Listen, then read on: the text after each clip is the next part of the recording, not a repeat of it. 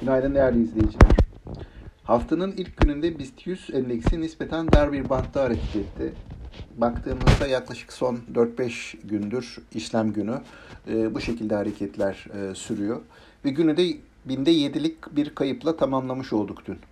Hisse bazında bakıldığında kimya gübre sektör hisselerindeki olumlu ayrışma dikkat çekiyor.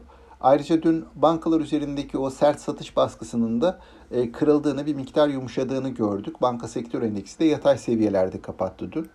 Buna karşılık endeks içerisindeki ağırlığı yüksek bazı sanayi şirketlerinde satıcılı seyir hakimdi. Özellikle saymak gerekirse hani dünkü endeksin gerilemesinde Ereğli'nin, Türk Hava Yolları'nın, Şişe'nin, Tüpraş'ın, e, TAV'ın, Koç Holding, Sabancı Holding ve İş Bankası'nın e, katkısı olduğunu söylemek mümkün. Bu hisseler özellikle aşağıya çektiler endeksi.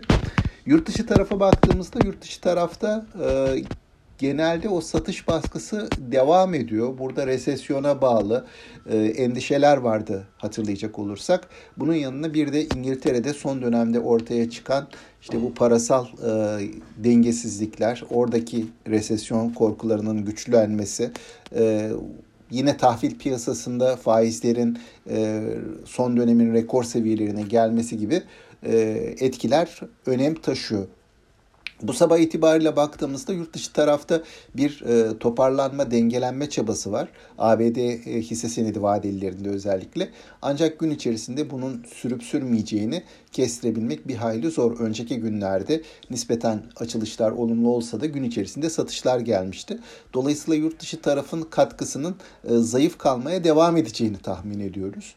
E, yurt içine baktığımızda yurt içi tarafta bu vadeli piyasalardaki dengesiz e, yapı e, yavaş yavaş çözülmekte. Dolayısıyla bunun olumlu yansımaları var. Diğer taraftan e, içeride çok fazla bir haber akışı yok günlük bazda baktığımızda. Buna karşılık getiri arayışı devam ediyor enflasyona karşı. Hani yurt dışındaki dinamikleri, yurt içindeki beklentileri alt alta koyduğumuzda genelde piyasanın hisse değişimlerine açık bir e, seyir izleyebileceğini düşünüyoruz. Bugün itibariyle açılışın hafif yukarı yönlü olmasını ancak yine e, gün içerisinde dar bir bantta hareket edilmesini bekliyoruz. Aktaracaklarım bunlar. Sağlıklı, bol ve bereketli, kazançlı günler dilerim.